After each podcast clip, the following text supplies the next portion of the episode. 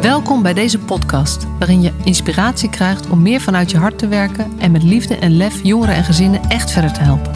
Voel je waarde, voel de passie voor je vak, voel je professional vanuit je hart. Ja, wat superleuk dat je weer luistert naar deze nieuwste aflevering van de Professional vanuit je hart podcast. En vandaag mag ik in gesprek met Marieke Jongman. Welkom Marieke.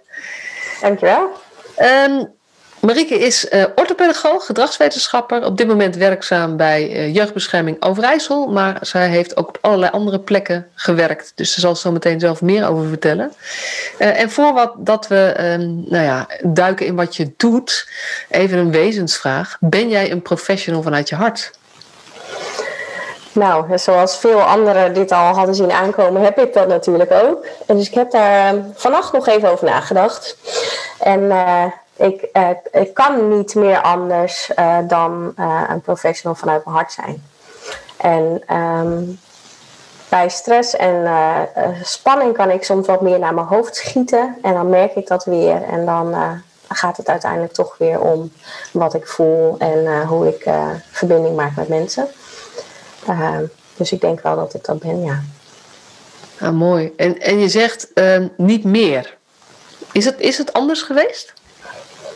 Ik heb wel heel erg in mijn hoofd gezeten, ja. En ehm, eh, nou, niet altijd even bewust geweest van wat ik voelde. En als ik het al wel voelde, wat ik daarmee kon doen, zeg maar, in mijn werk. Dus ik, ik heb daar wel uh, een ontwikkeling doorgemaakt, ja. Ik denk wel dat het er altijd in zat.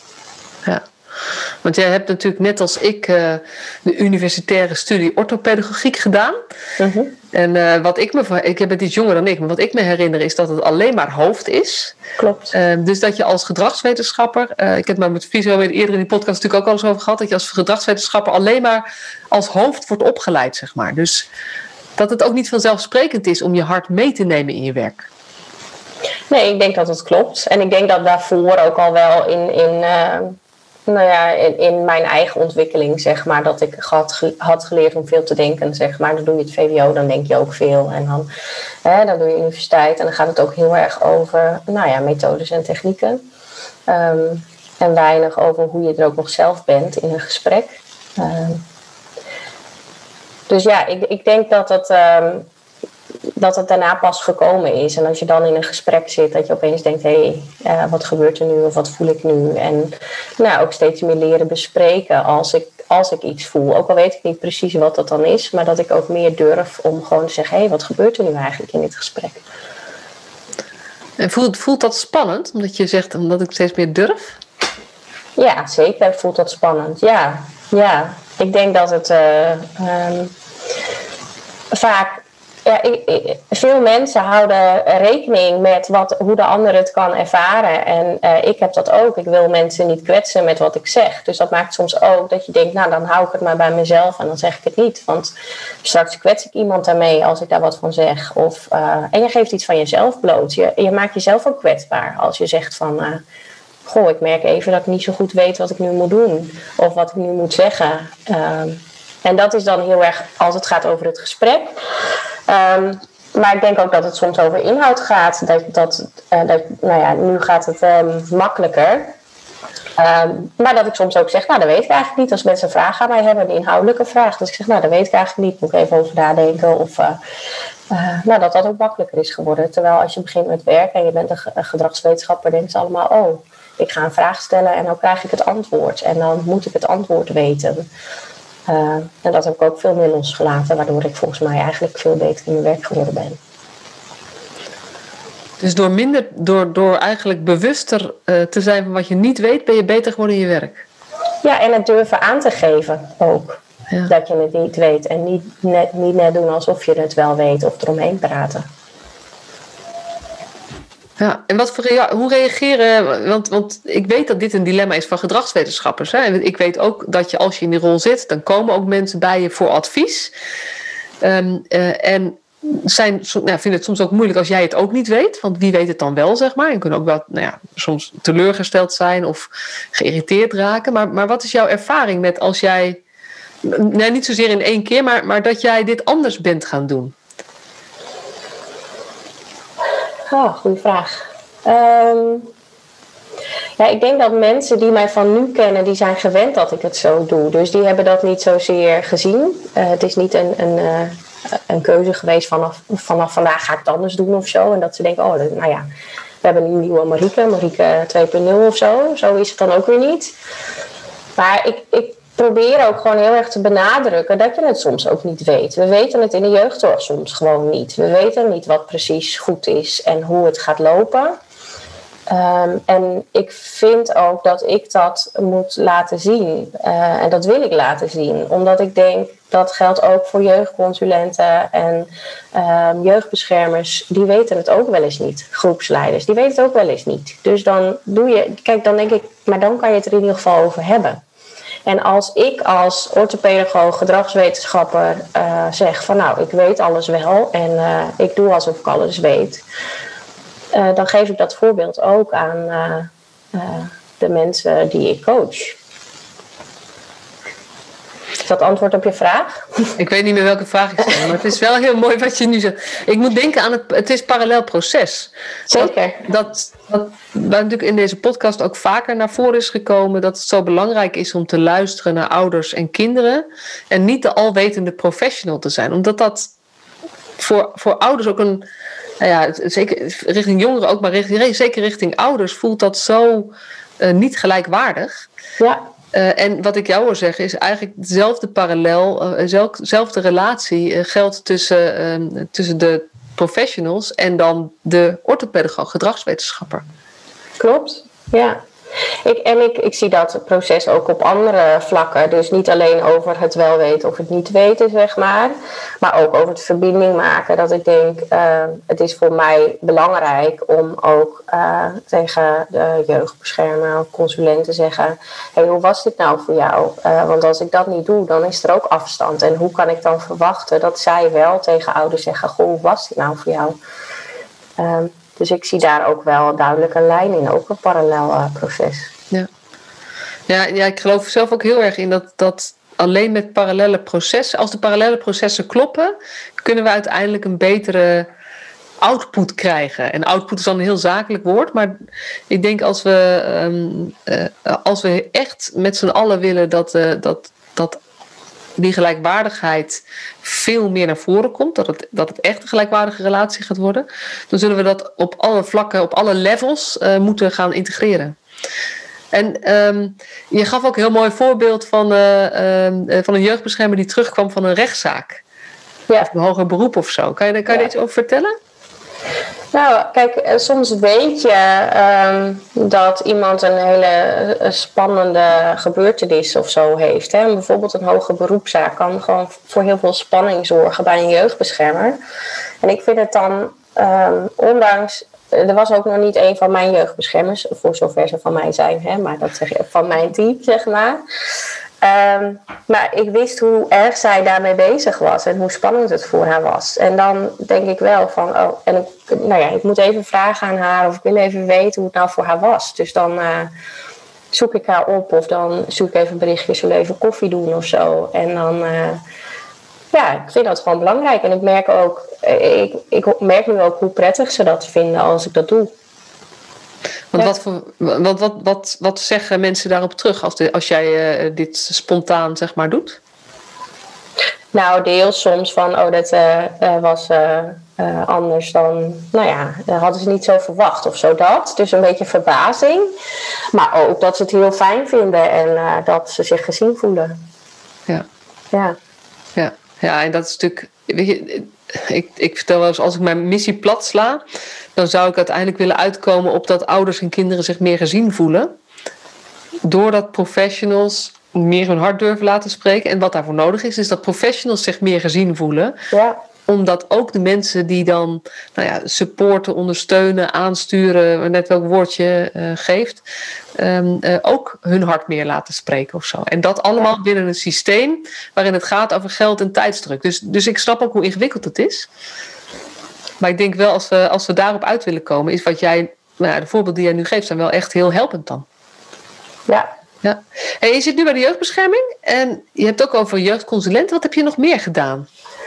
Um, ik heb uh, ook lang uh, bij uh, wijkteams, gebiedsteams gewerkt. En um, daarnaast geef ik wat trainingen of workshops over deep democracy. En nou, wat andere trainingen. En ik begeleid intervisiegroepen. De werkbegeleiding van jonge gedragswetenschappers.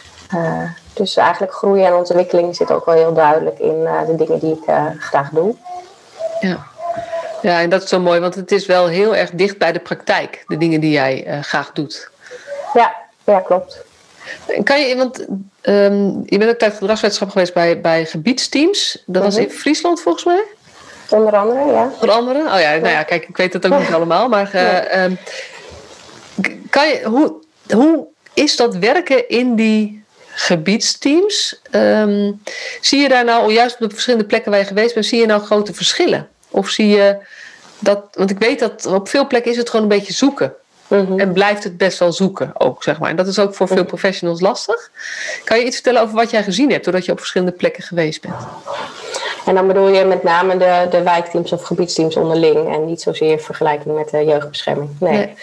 Ehm, ik ben in 2015, 1 januari 2015 begonnen uh, in uh, Flevoland bij een gemeente. En het was echt het opzetten eigenlijk nog van hoe doe je dat eigenlijk, zo'n uh, zo'n gebiedsteam. En wat, hoe regel je dat, wat vinden we belangrijk, hoe pakken we het aan. Um, en ik, kijk, daar liep het uiteindelijk hartstikke goed toen ik wegging, durf ik wel te zeggen. Um, daar hadden we heel mooi met elkaar gekeken van wat zijn nou de talenten van wie en hoe kunnen we dat goed inzetten. Dus het was heel erg het gevoel van we doen het samen. Um, maar ik, ik heb ook wel dat zoeken wat jij zegt, dat herken ik heel erg uh, in gebiedsteams. Ook wat is je plaats als uh, orthopedagoog bijvoorbeeld in een gebiedsteam uh, ten opzichte van teamleiders, ten, ten opzichte van het team. Waar hoor je dan bij of zo? Hè? Want uiteindelijk willen we allemaal ergens bij horen. Maar waar hoor je dan bij en waar ben je dan van? En waar, waar, um, waar ligt je toegevoegde waarde ook, denk ik? En het is zoeken in. Um, nou ja, eh, werkprocessen die dan nog niet helder zijn, uh, functies die niet helemaal helder zijn. En dat is, nou, ik vind dat een ingewikkelde context ook om in te werken. En dat is eigenlijk ook een reden dat ik nu nou, een training ook heb gemaakt voor beginnende gedragswetenschappers in het sociaal domein specifiek. Omdat die positie gewoon echt wel lastig is. En ehm, nou, er zitten ook mensen met hele andere achtergronden. Mensen die heel veel met jeugd gewerkt hebben, maar in een andere uh, context. En je merkt ook dat de werkdruk daardoor hoog is, zodat niet altijd alles. Uh, uh, nou, de kwaliteit is soms heel erg zoeken, zeg maar, hoe je dat goed kan regelen in, in zo'n context. Ja omdat er ook zoveel verschillende spelers zijn en het over zoveel, zo breed vertakt ook vaak is. Ja, dat. En kijk, ehm, als je van het ene gebiedsteam naar het andere gebiedsteam gaat, dan wil dat niet altijd zeggen dat je dan dus weet hoe het zit. Want het kan weer compleet anders zijn qua taken, hoeveel aan preventie wordt er gedaan. En ja, dat is eigenlijk overal heel erg anders. Zowel voor de gedragswetenschappen als ook voor de, de jeugdconsulenten. Ja. ja, dat herken ik ook wel. Dat vind ik zelf ook de rijkdom van. Ehm, toevallig mijn vorige podcast ging daarover. Uh, de rijkdom van op verschillende plekken komen, is dat je ziet van wow, dit kan vanuit dezelfde gedachte kunnen zulke verschillende manieren ontstaan of zo. Ja. En ik kan ook niet zeggen één manier is de beste. En tegelijkertijd is het ook wel eens lastig, omdat het inderdaad, als je uh, op een andere plek je werk wil gaan doen, je helemaal weer moet gaan ontdekken hoe het daar werkt. Ja. En uh, dat heeft natuurlijk ook te maken met, nou ja, ik denk allemaal grote thema's, organisatie, cultuur. En is een wijkteam of een gebiedsteam überhaupt een organisatie? En, uh, dus, dus daar staat wel ingewikkeld. En hoe is dat dan bij de jeugdbescherming? Vind je, is dat makkelijker? Ja, um, ik denk wel dat het eh, veel. Het is gewoon heel helder wat er van mij verwacht wordt, zeg maar, op inhoudelijk vlak. En waar, waar ik betrokken ben.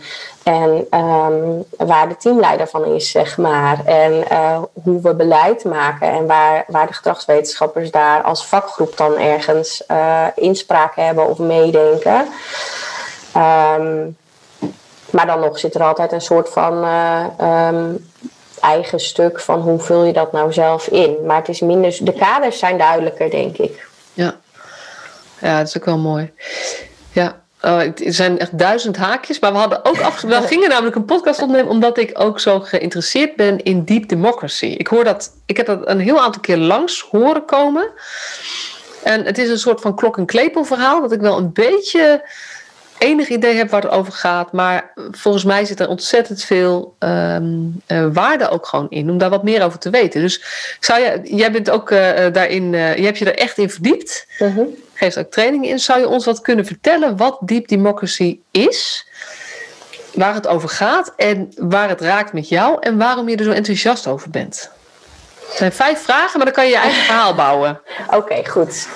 Um, nou ja, ik, ik vind het sowieso altijd een uitdaging, überhaupt al om kort samen te vatten wat diep democratie is. Want het is ergens een methode um, met tools, zeg maar, die je kan gebruiken. Maar ergens is het ook een manier van kijken. Een manier van kijken naar groepen, en naar de meerderheid en de minderheid, um, naar inclusie. nou, dat. Maar ook naar sabotagegedrag trouwens, daar kan ik nog wel wat meer over vertellen. Uh, dus het is ook een manier van kijken of een filosofie. Um, en het is eigenlijk ook heel praktisch. Dus het heeft eigenlijk heel veel uh, kanten in zich. Um, en ik denk dat sommige mensen daardoor soms denken: oh, dat is wel een beetje zweverig. Terwijl het eigenlijk ook heel praktisch is. En het is eigenlijk opgericht om nou, mensen die uh, de ijsberg van coaching uh, kennen, zeg maar. Er zijn dingen boven water die je ziet, gedrag of dat wat mensen zeggen. die wordt vaak individueel gebruikt, die ijsberg. Um, maar je kan het ook in groepen zien. Dus wat is er boven water? Wat is voor ons allemaal bekend? En wat is er onder water? Um, en die democratie gaat er eigenlijk. Misschien even voor de mensen die de ijsberg niet kennen. Het plaatje laat zien dat er veel meer onder water zit. Ja. Dus veel meer in het onbekende of onbewuste of het onuitgesprokene. Ja. Dan wat boven water is, um, wat zichtbaar is, uh, besproken, duidelijk. Precies, ja. En in groepen is dat dus bijvoorbeeld ook als je met z'n vijven bent en uh, twee komen wat later en je hebt met die, die andere drie zeg maar even zitten kletsen over wat heb je dit weekend gedaan, dan is dat dus iets wat in het groepsonbewuste zit, want niet iedereen weet dat.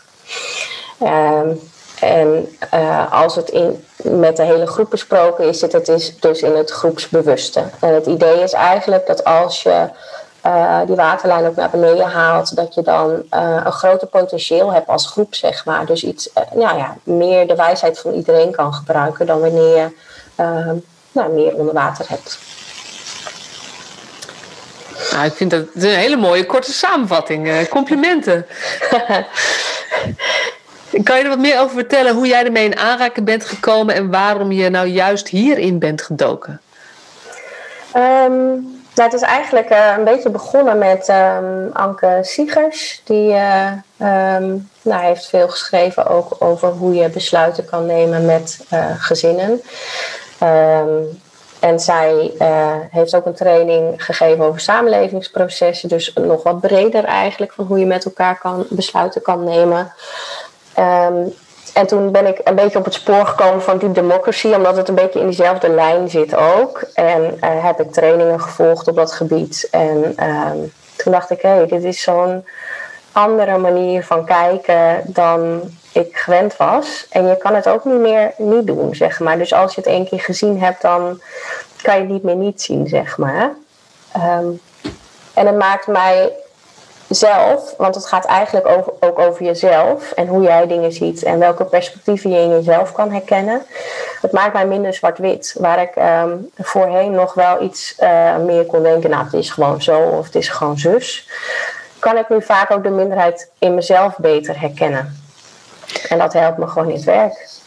Ja, en ik, ik volg je, maar dit klinkt natuurlijk wel vetzweverig. De minderheid in mezelf. Nou, een voorbeeld.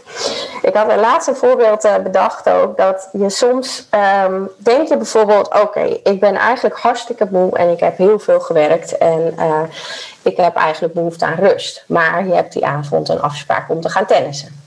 Um, dan kan je denken van, nou ja, um, oké, wat wil ik eigenlijk? Nou, ik heb gewoon behoefte aan rust, dus ik ga niet tennis, ik ga afzeggen. Dat kan, hè. Dat is dan een soort van schreeuwerige me meerderheid die gewoon verlangt naar een dekentje en een bank en een kop thee erbij.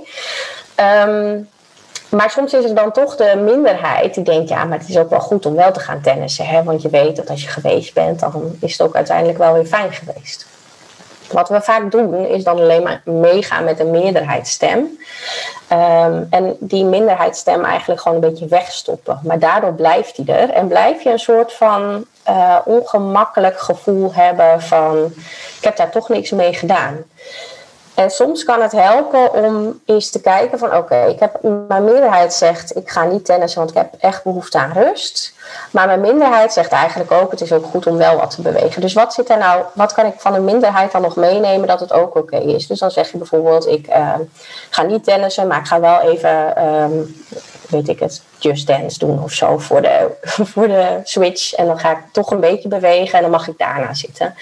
En vaak merk je dat als je die minderheid wat beter luistert, dat die niet onder water blijft. Um, want dat is eigenlijk een soort visje wat onder water blijft, uh, onder die waterlijn. Um, maar dat hij zich gehoord voelt. Dus ook je minderheid voelt zich dan gehoord. Dus dit, nu probeer ik hem wat praktischer ma te maken. Je ziet mij kijken en als ik, als ik nadenk, ga ik altijd, dat, dat weet ik voor mezelf, ga ik altijd uh, uh, ver weg kijken. Dus dan mm-hmm. in de ruimte. Nu kan ik heerlijk naar buiten kijken. Ik zit op een zolderkamer. Dus ik, ik, ik, zit in een, ik woon in Utrecht, dus ik heb weinig wijs uitzicht. Behalve mm-hmm. op mijn studeerkamer, waar ik tussen de daken van de overburen door in ieder geval nog een paar bomen kan zien. Dus dit is op zich een heerlijk uitzicht. Maar waar het over gaat, ik vind het dan een heel mooi voorbeeld. Het gaat eigenlijk over dat je ook luistert naar. Um, dat je, want, want anders kan zoiets ook toeleiden naar een soort van schuldgevoel. Of ja. jezelf. Um, uh, dat je jezelf, zeg maar, je, gaat, je kiest voor dat op de bank hangen. Maar uiteindelijk veroordeel je jezelf ook omdat je een of andere luie lapsvans bent, die, zeg maar. Dus, dus om, om dat soort negatieve oordelen, die innerlijke criticus, wat ook weer zo'n vaag term is, maar uh, die komt ook vaak omdat je een deel van jezelf niet meeneemt. Ja. En, ja, en dat is in groepen ook zo. En, en ja. dat kan eigenlijk weer leiden tot sabotagegedrag. En waar we in de normale manier van kijken, sabotagegedrag bijvoorbeeld heel erg zien als: oh, dat zijn vervelende mensen, zeg maar. Of hij zit altijd uh, te vertragen. Of hij is altijd kritisch als we een besluit willen nemen. Um, als je dat meer ziet als mensen of stemmen die niet gehoord zijn, dan, dan helpt dat in het uh, meenemen van die stemmen. Het gaat ook over erkennen. Mm -hmm. Ja, want die minderheid mag er ook zijn. En dat is de minderheid in jezelf, kan het zijn, zoals ik dat voorbeeld net gaf. Maar dat is ook de minderheid in groepen. Ja. En is het dan hetzelfde als luisteren naar de stem van de zwakste?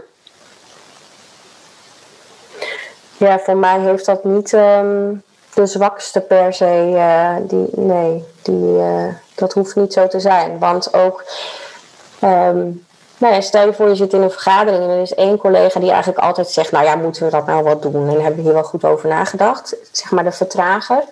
Um, dat hoeft niet per se iemand te zijn die moeilijk voor zijn mening uit komt. Dat kan ook best wel een uh, vrij expressief en aanwezig persoon zijn, waar, die, waarvan iedereen denkt, oh, dan gaat hij weer, zeg maar. Hè? En dan gaat iedereen zijn telefoon pakken en dan uh, gaan we wat anders doen, want we hebben helemaal geen zin om daarnaar te luisteren.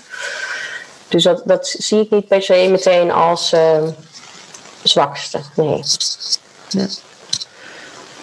Dus het is een, een ik heb een kuchje. Geen corona, wel een kuchje. Um, maar het gaat eigenlijk over. Want het, het is deep democracy, dus het gaat over besluiten nemen. Maar het gaat niet mhm. alleen over besluiten, maar het gaat ook over cultuur maken met elkaar. En, en mag iedereen ook zijn wie die is of zo? Begrijp ik dat goed? Ja, ja, nou, ja, ja zeker. Kijk, er zijn heel veel onderdelen die, die passen uh, binnen deze manier van denken, zeg maar. Um, en dat heeft ook met inclusie te maken, maar ook met um, ranking. Het, um, Jitske Kramer die doet veel uh, rondom deep democracy en die is antropoloog, als antropoloog opgeleid. En je ziet dat heel erg terug ook in haar boeken en hoe zij erover praat. Dat zij ook praat over stammen bijvoorbeeld uit Afrika.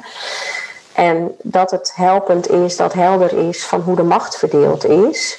Uh, en je hoeft niet altijd alle besluiten met elkaar te nemen. Uh, het is soms ook goed dat er één iemand is die een besluit neemt. Hè? Als jouw huis nou in de fik staat en uh, de brandweer staat voor jouw huis en die gaan uitgebreid ehm, een beslissing nemen van hoe ze dat eens zullen aanpakken en jouw huis fikt ondertussen af, dan ben je wel blij dat er één iemand is die de baas is van de brandweer en die gewoon zegt van jij gaat dat doen en jij gaat dat doen en zo pakken we het aan. Dus bij crisis is het heel handig dat er één iemand besluiten neemt. Dus het is niet, die democratie is niet van je moet altijd alle besluiten met de groep nemen. Dat is niet zo. Nee, maar het gaat erover dat je liefst um, in openheid met elkaar bespreekt hoe zijn de machtsverhoudingen bij ons. Daar, ga, daar gaat het over. Om datgene, want dat is natuurlijk heel vaak zijn dat soort processen zijn allemaal onder de waterlijn. Om maar eventjes jouw jouw ijsberg uh, uh, ja. voorbeeld erbij te nemen. En kan pas iets daarin veranderen op het moment dat het ook zichtbaar wordt en er mag zijn of zo. Ja. Ja, en uh, de dingen. Dan hoef je nog niet eens te veranderen misschien, maar het gaat dan. Uh, maar in ieder geval moet je zien wat er is, ja. voordat je je ertoe kan verhouden en het prettiger kan worden voor jou of voor iemand anders die er last van heeft. Ja, nou, en ik denk ook dat het uitmaakt als mensen weten hoeveel inspraak ze hebben en of ze mee mogen beslissen of alleen dat ze gehoord worden en dat het wordt meegewogen. Dat is anders. En als ik van tevoren denk dat wij met z'n tweeën een besluit gaan nemen en uiteindelijk heb je mij wel gehoord, maar je besluit iets anders te doen. Kijk, dan ontstaat er natuurlijk iets naars. Want dan dacht ik dat ik mee mocht beslissen en um, had jij wat anders in je hoofd. En dan is het wel goed om te weten ook van wie is nou degene die de, die de besluiten neemt. Maar is dat dan ook hoe je. Ik kan me hier ik kan allerlei voorbeelden voorstellen in hoe je als professional samenwerkt met een gezin. Uh-huh. Maar ook hoe je als binnen een organisatie samenwerkt in een team. En dan zeker in een zelfsturend team, zeg maar, waar uh-huh. dat natuurlijk helemaal niet een beetje onduidelijk is. Um, is het dan zo dat je altijd begint met um, uh, wie heeft hier de zeggenschap of zo? Of hoe, doen we het, hoe ligt het dat je daarmee begint en dan pas het gesprek aangaat? Of is dat iets wat, wat onbesproken blijft? Of... Nou, soms is het helder. Hè? Kijk, als een teamleider bijvoorbeeld keuzes maakt over bezetting of uh, hoeveel FTE's of dat soort dingen, dan is het helder dat de teamleider daarover besluit. Um, en soms is het niet helder. En ik vind dat ook met ouders. Uh, ik denk dat het helpend is, maar dan kom je ook heel erg op de richtlijn samen beslissen over passende hulp bijvoorbeeld. Je moet ouders opties geven van weet je, dit is allemaal wat we kunnen doen. En um, dan kom je ook weer op handelingsgericht werken eigenlijk uit. Wat zijn nou de dingen die we zouden kunnen doen? Want we hebben met elkaar gekeken van wat is er aan de hand? Nou, dit blijkt er aan de hand te zijn. Wat zijn dan de opties? Um, en dan kan je ouders ook zeggen van nou wat is het voordeel van dit en wat is het nadeel van dat. En dat kan heel praktisch zijn, bijvoorbeeld dat je zegt nou dan moet je wel wat verder rijden. Um, maar het is niet aan mij om die keuze voor ouders te maken. Want als wij zeggen, ja, maar daar heb ik een heel goed gevoel bij, nou dan rij ik wel een half uur om mijn kind daarheen te brengen dat is niet aan mij om daar wat over te zeggen. Maar ik kan ook niet tegen ouders zeggen dat is echt de allerbeste en daar moet je per se heen. Dus ik vind dat we als professionals ook heel goed na moeten denken welke opties er zijn. En ouders goed moeten voorlichten in wat de voordelen en de nadelen zijn, zodat ze zelf een keuze kunnen maken waar zij achter staan en wat passend is bij dat gezin. Dus dat als je het, zeker als het. Uh, ik zit nu even het jeugdbeschermingskader, want hij is uh-huh. iets overzichtelijker dan in de gebiedsdienst. Uh-huh. Dat je als jeugdbeschermer wel zegt. Dit zijn de, de kaders. Weet je, jullie uh-huh. moeten hulp accepteren. En het moet hulp zijn, uh, gezinshulp bijvoorbeeld. Ja. Maar dat je, en dat je daar ook helder over bent. En dat niet als optie geeft. Gewoon zegt: dit, ja. is, dit is wat moet gebeuren, want dit is de eis. Ja. Maar binnen die kaders waar, wij, waar ik over ga, hebben jullie de keuze over waar je mee aan de slag gaat? Ja, precies. Ja, en ik denk ook, ik zeg heel vaak uh, in overleggen met jeugdbeschermers, wat is het doel, zeg maar, en wat is het middel? En over het middel kan je ouders heel goed uh, mee na laten denken, over doel trouwens ook hoor. Dus ik vind niet dat je um, uh, daar dat moet stellen zonder dat je ouders daarin betrekt. Um, maar dat je altijd zou moeten zoeken naar een doel wat overkoepelend is. Alleen binnen de jeugdbescherming krijg je soms gewoon een doel mee in de beschikking van de rechtbank. Dus dat is dan het doel van de OTS. Um, maar wat is dan het middel? Ik vind ook altijd dat je op moet letten met zeggen: wij vinden dat er een gezinsopname moet komen, of wij vinden dat moeder psychiatrische hulp moet accepteren. Omdat uiteindelijk moet je het vertalen naar wat willen we graag zien uh, voor de kinderen. En als een moeder zegt, weet je, ik wil niet een gezinsopname, maar ik wil op een andere manier werken aan mijn eigen problematiek, zodat ik wel weer voor de kinderen kan zorgen, dan is dat ook oké als ze het daarmee uh, kan en als ze daartoe gemotiveerd is. Dus, dus, ik zeg steeds, is het een doel of een middel? Ik denk echt dat sommige jeugdbeschermers, als ze dit luisteren, dit helemaal herkennen.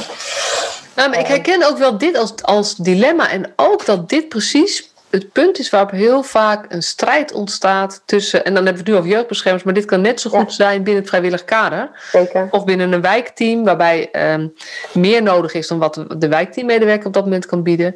Ja. Dit is het moment waarop ook ouders zich niet meer gehoord voelen, volgens Ja. mij. Omdat we dan niet meer hebben over wat willen we uiteindelijk bereiken. Ehm, en dan de opties bekijken, maar dat het eigenlijk gaat over dit is wat je moet doen. En daar houden mensen niet van. Als dat Weet je, daar hou jij, zo jouw inschatting, hou je daar helemaal niet van. Nee, dat klopt. Ik hou er ook niet van. Nee. Ik denk dat er ontzettend veel, eh, dat, weet je, uiteindelijk deep down, de meeste mensen houden daar niet van. Dat iemand anders zegt wat ze moeten doen.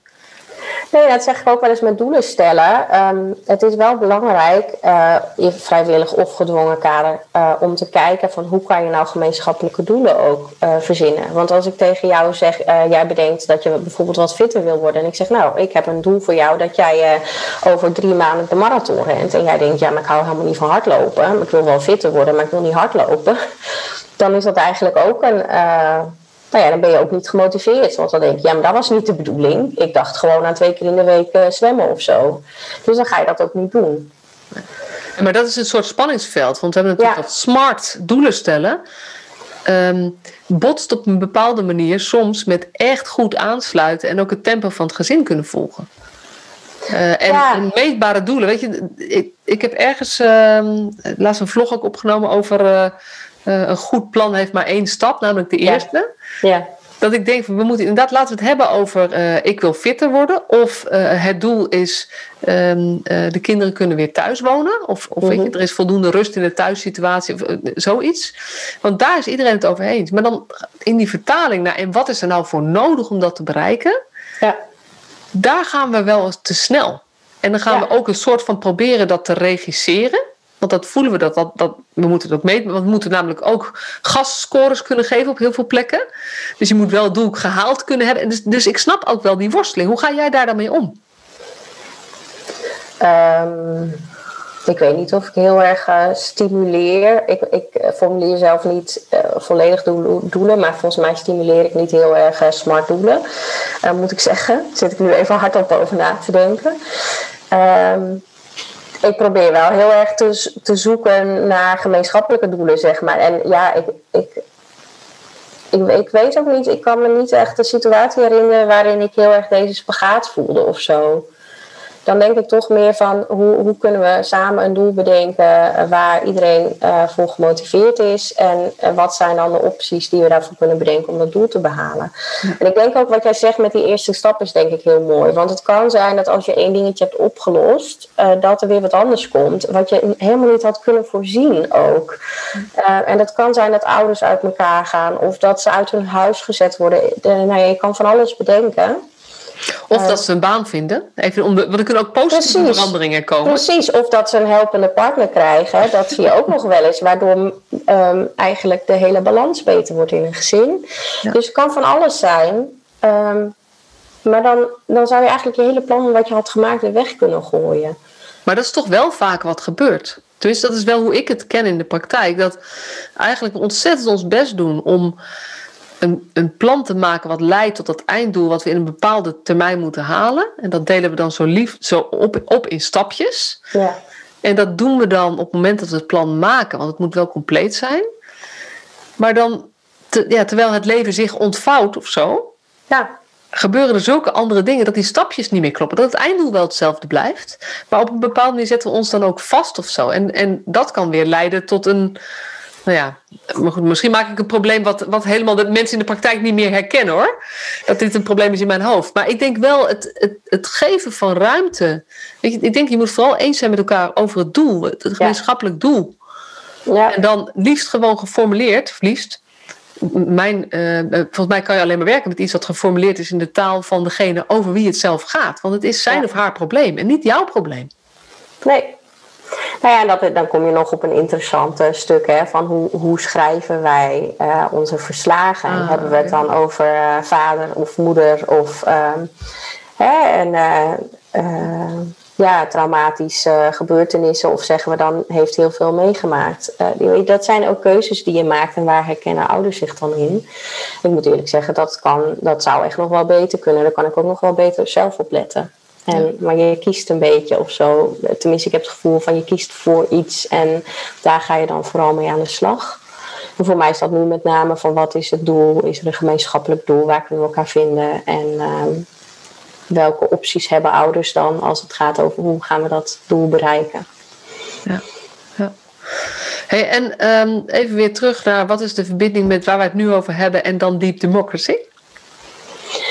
Um, nou ja, weet je, ik zit even te kijken naar hoe, hoe ik dat dan wel met. Um, nou, vooral wat ik doe nu in mijn trainingen bijvoorbeeld, maar ook in intervisie, is bijvoorbeeld beginnen met een uh, check-in. En dan uh, nou, er zijn meer mensen die de check-in kennen vanuit allerlei vormen, zeg maar, coaching, uh, trainingen geven.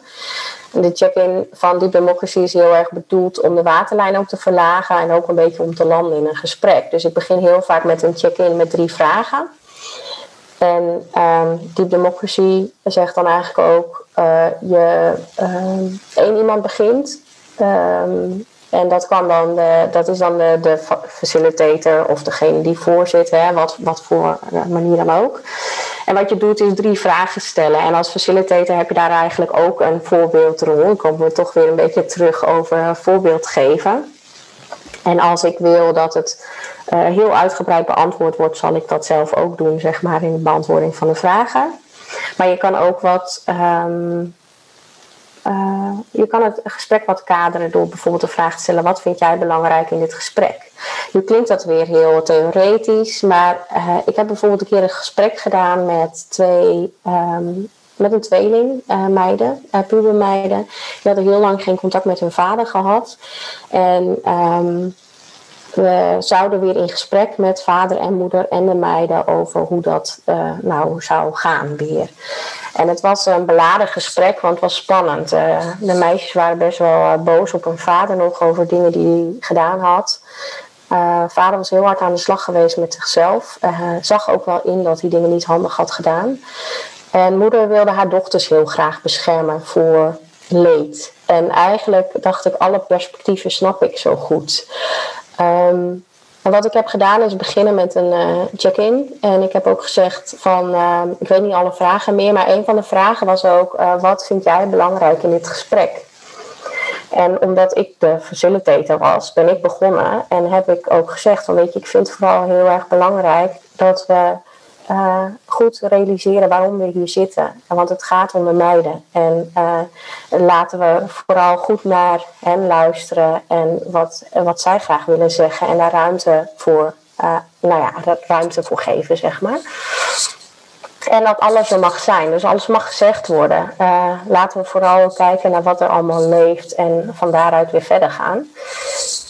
En doordat ik dat zo zei, en oh ja, wat dan ook helpt, is dat je bij een check-in zegt van je mag niet op elkaar reageren. Dus het is een uh, share en dump. Dus um, je deelt en uh, mensen gaan niet reageren of vragen stellen. Maar dat maakte eigenlijk dat deze meisjes meteen ruimte kregen om een verhaal te vertellen zonder dat moeder uh, wilde inspringen om ze te helpen. Of zonder dat vader zich wilde verweren. En het was zo krachtig. Het is mij echt heel erg blij, bijgebleven. Het is echt al wel drie jaar geleden, denk ik, dat gesprek. Maar het was zo krachtig. En een van die twee meiden die dacht meteen, nou ik ga meteen. Dus zo gauw ik uitgepraat was, begon zij al. Want uh, ze wilde zo graag, stond te trappelen om te zeggen. Um, dat andere meisje moest er wat anders over nadenken, of wat langer over nadenken. Maar het was zo prachtig, omdat je daarin dus ook een soort uh, modeling kan doen. En een voorbeeldrol van dit, is, dit vinden we belangrijk en zo gaan we het doen. Maar je geeft mensen ook ruimte om hun eigen verhaal te vertellen zonder dat je daar vragen over gaat stellen of gaat sturen. Of het in gaat kleuren vanuit je eigen uh, nou, perspectief. Dus daar, dit is dan een voorbeeld van hoe ik het wel in mijn werk kan gebruiken. Ja. Ja, ik vind het echt een prachtig voorbeeld. En um, wat ik ook al zo mooi vind in hoe jij het zelf formuleerde, is. Um, ik stel me even deze situatie voor, hè, zoals we die vaker kennen. Mm -hmm. jij zei in, in hoe jij, je had voor van wat jij belangrijk vond in het gesprek, zei je: um, uh, deze moeder wil, wil haar kinderen beschermen tegen leed. Mhm. In plaats van, deze moeder wil haar kinderen beschermen tegen vader. Mhm. Want dat is hoe wij, en dit is ook een, nou ja, een heel mooi uh, stukje voor mij, dit is ook wat ik nog wel eens kan doen. Want dan ga je toch in, in de formulering die jij kiest, als gespreksleider, voorzitter, voorbeeld, mhm. frame je ook um, waar je het met elkaar over gaat hebben. Ja. En haal je de beschuldiging die zo obvious is, ja. Maar die haal jij eruit door het anders te formuleren. Dus de kracht van, van woorden is ook enorm. En, en belangrijk is dat je dan zelf heel goed doorvoelt, eigenlijk al die verschillende perspectieven. Dus je moet jezelf ook kennen, zeg maar. En je moet, je moet jezelf toestaan om uh, echt in te leven in hoe het voor al deze anderen is.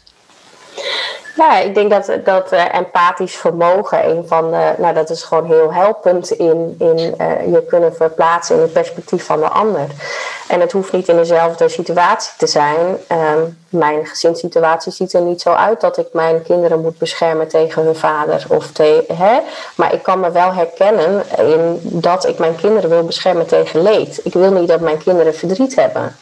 En dat kan zijn omdat uh, dat ze verkering krijgen en het uitgaat. Zover is het gelukkig nog niet. Um, maar dat, dat weet ook... je niet, hè?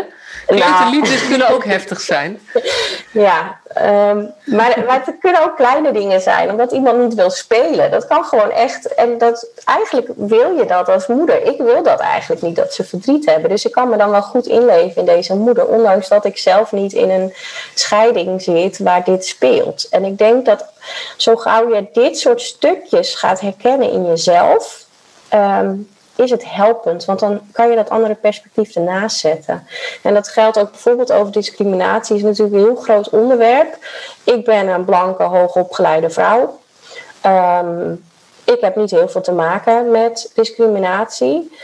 Uh, maar als je, um, als je zo'n discussie aangaat over discriminatie of racisme, dan moet je ergens contact kunnen maken met alle kanten, zeg maar. Dus de kant van het er niet bij horen of buitenspel gezet worden. Um, maar ook de kant van dat ik misschien zelf ook wel eens twee keer over mijn schouder uh, kijk als er een uh, Marokkaanse jongen of zo achter mij loopt. En um, we kunnen allemaal doen alsof het er niet is, maar het is er wel. En dat is ook eerlijk zijn aan jezelf. Van, goh, ik merk toch dat ik twee keer over mijn schouder kijk. Wat is dat dan toch in mij dat ik dat toch doe? Terwijl ik pretendeer niet racistisch te zijn. En dat is ook weer dat minderheidsdeel in jezelf. Zeker, ja. Het is eigenlijk om het even zeg maar, ja, aan elkaar, rond, elkaar te verbinden. Want ja. dat is weer het minderheidsdeel van jezelf. En, en wat, ik, wat ik zelf ook heel erg herken, is dat. Um, en ik vind dat, dit, dat je het echt prachtig uitlegt, dank je wel daarvoor. Uh, maar dat is ook. Um, hoe meer jij die verbinding hebt met jezelf en al die dingetjes in jou, dus het gaat over zelfontwikkeling, nou ja, al die, die, die termen, hoe beter of hoe vanzelfsprekender het ook wordt om aan te sluiten bij de ander. En ik herken dat dat iets is wat als je het eenmaal ziet, kan je het niet meer niet zien. Ja, dat. Ja. En dan is Deep Democracy, um, los van deze visie en mensbeeld en recht doen en dingen, is ook nog een, um, nou, bijna een toolbox of zo. Het geeft mm -hmm. je ook manieren om een gesprek vorm te geven. Zoals bijvoorbeeld beginnen met een check-in ja. die anders is dan hoe zit iedereen erbij. Wat ook ja, een check-in is. Klopt. Maar wat ik net hoorde in jouw voorbeeld is de check-in van die democracy is met aardig wat regie, bewust ja. gekozen vragen. Klopt. En jij hebt een andere rol. Uh, je neemt een hele bewuste rol in hoe je het gesprek start. Klopt. En ik denk ook dat het uitmaakt in wat voor overleg je zit. Of je met z'n twintig in een teamvergadering zit waar je echt zakelijk zeg maar wat moet besluiten. Dan stel je andere vragen. En dan ben je zelf ook korter in. Nou, ik vind in ieder geval dat het belangrijk is dat we het over uh, de vakantieplanning hebben of zo.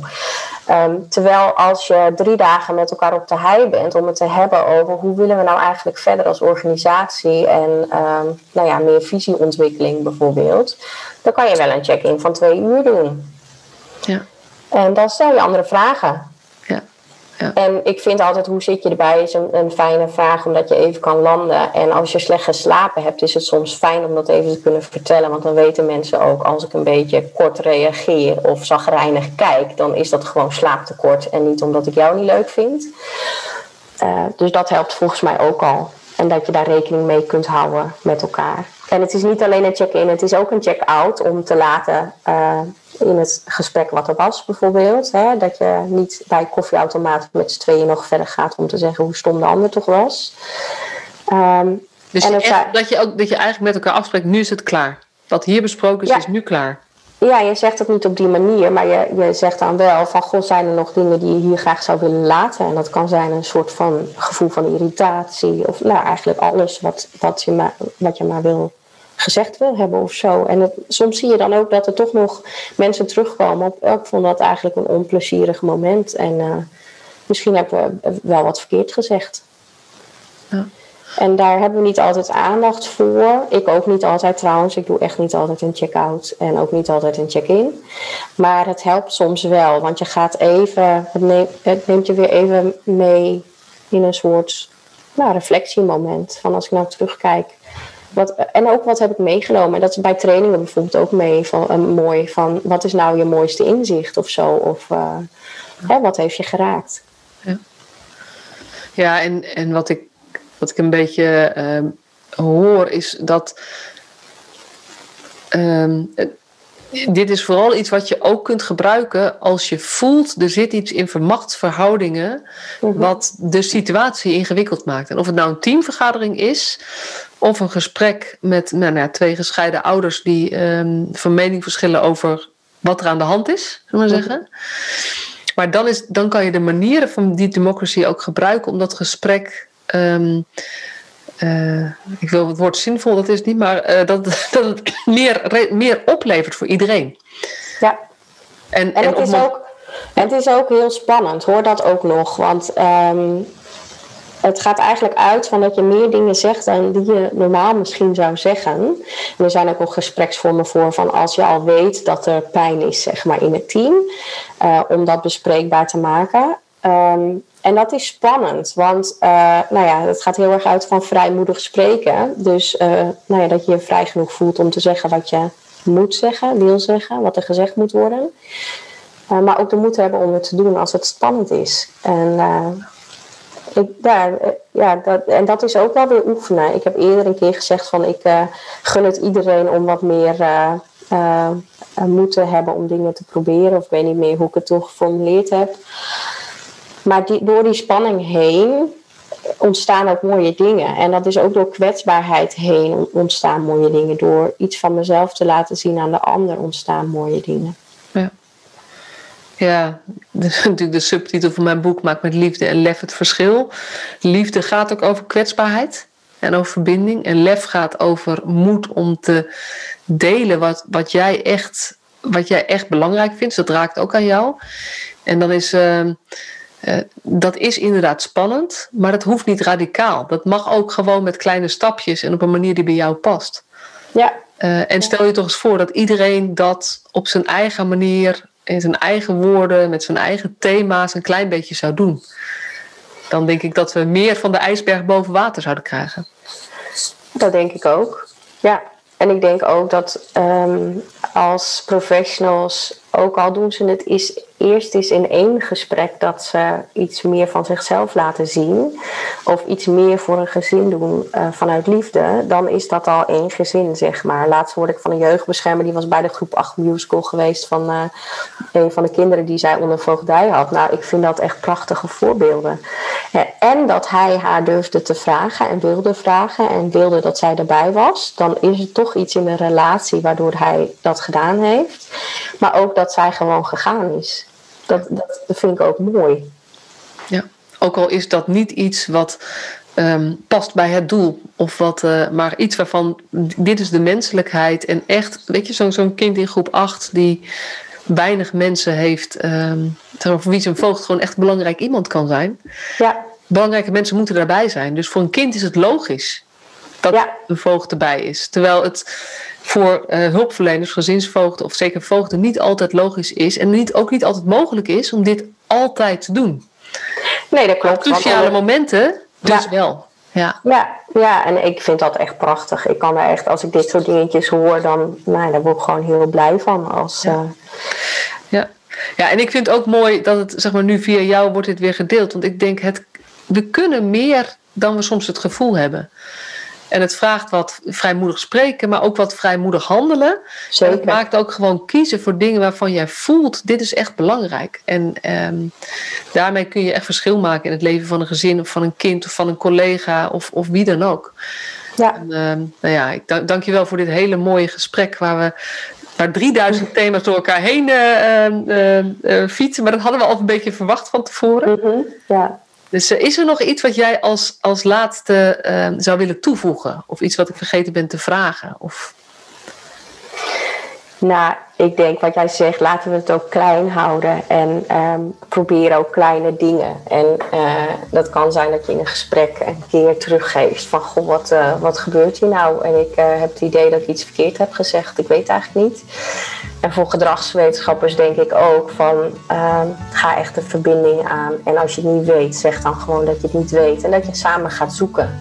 Want dat willen we ook, dat de jeugdconsulenten, groepsleiders, uh, uh, jeugdbeschermers doen met ouders. Dat ze samen gaan zoeken naar oplossingen. Dus wees je ook bewust van de rol, de voorbeeldrol die je hebt. Dankjewel voor dit prachtige gesprek. Graag gedaan. Superleuk dat je weer luisterde naar deze podcast. Dankjewel. Nog even kort een paar belangrijke dingen. Ten eerste, het is mijn missie dat de jeugdhulp weer een sector wordt waarin bevlogen, liefdevolle professionals jongeren en gezinnen echt verder helpen. Daarom maak ik deze podcast voor jou. Wil jij deel uitmaken van deze beweging van Professional vanuit je hart, waarin professionals elkaar steeds opnieuw inspireren? Begin dan met het lezen van mijn boek. Je kunt de eerste hoofdstukken helemaal gratis lezen. Ga naar professionalvanuitjehart.nl/slash boek. Ten tweede, wil je alle podcastafleveringen overzichtelijk onder elkaar? Abonneer je dan op deze podcast. Klik in je podcast-app op de button subscribe of abonneren. En elke keer als er een nieuwe podcastaflevering gepubliceerd wordt, ontvang je automatisch een berichtje. Ten derde, ondersteun je mijn missie? Geef me dan een review via je podcast-app, bijvoorbeeld iTunes of Spotify. Op die manier kan ik nog meer professionals bereiken. En ken je een collega voor wie deze podcast ook interessant is? Dan zou het super zijn als je hem of haar de podcastaflevering doorstuurt. Bijvoorbeeld door de link te kopiëren via Spotify. Ik vind het altijd heel leuk om berichtjes te ontvangen van luisteraars om te horen wat je van een podcast vindt, of als je misschien vragen of suggesties hebt. Of als een aflevering je een bepaald inzicht heeft gegeven of er iets in beweging is gekomen. Stuur me dan even een berichtje op masha.professionalvanuitjehart.nl via de website of stuur me een connectieverzoek op LinkedIn.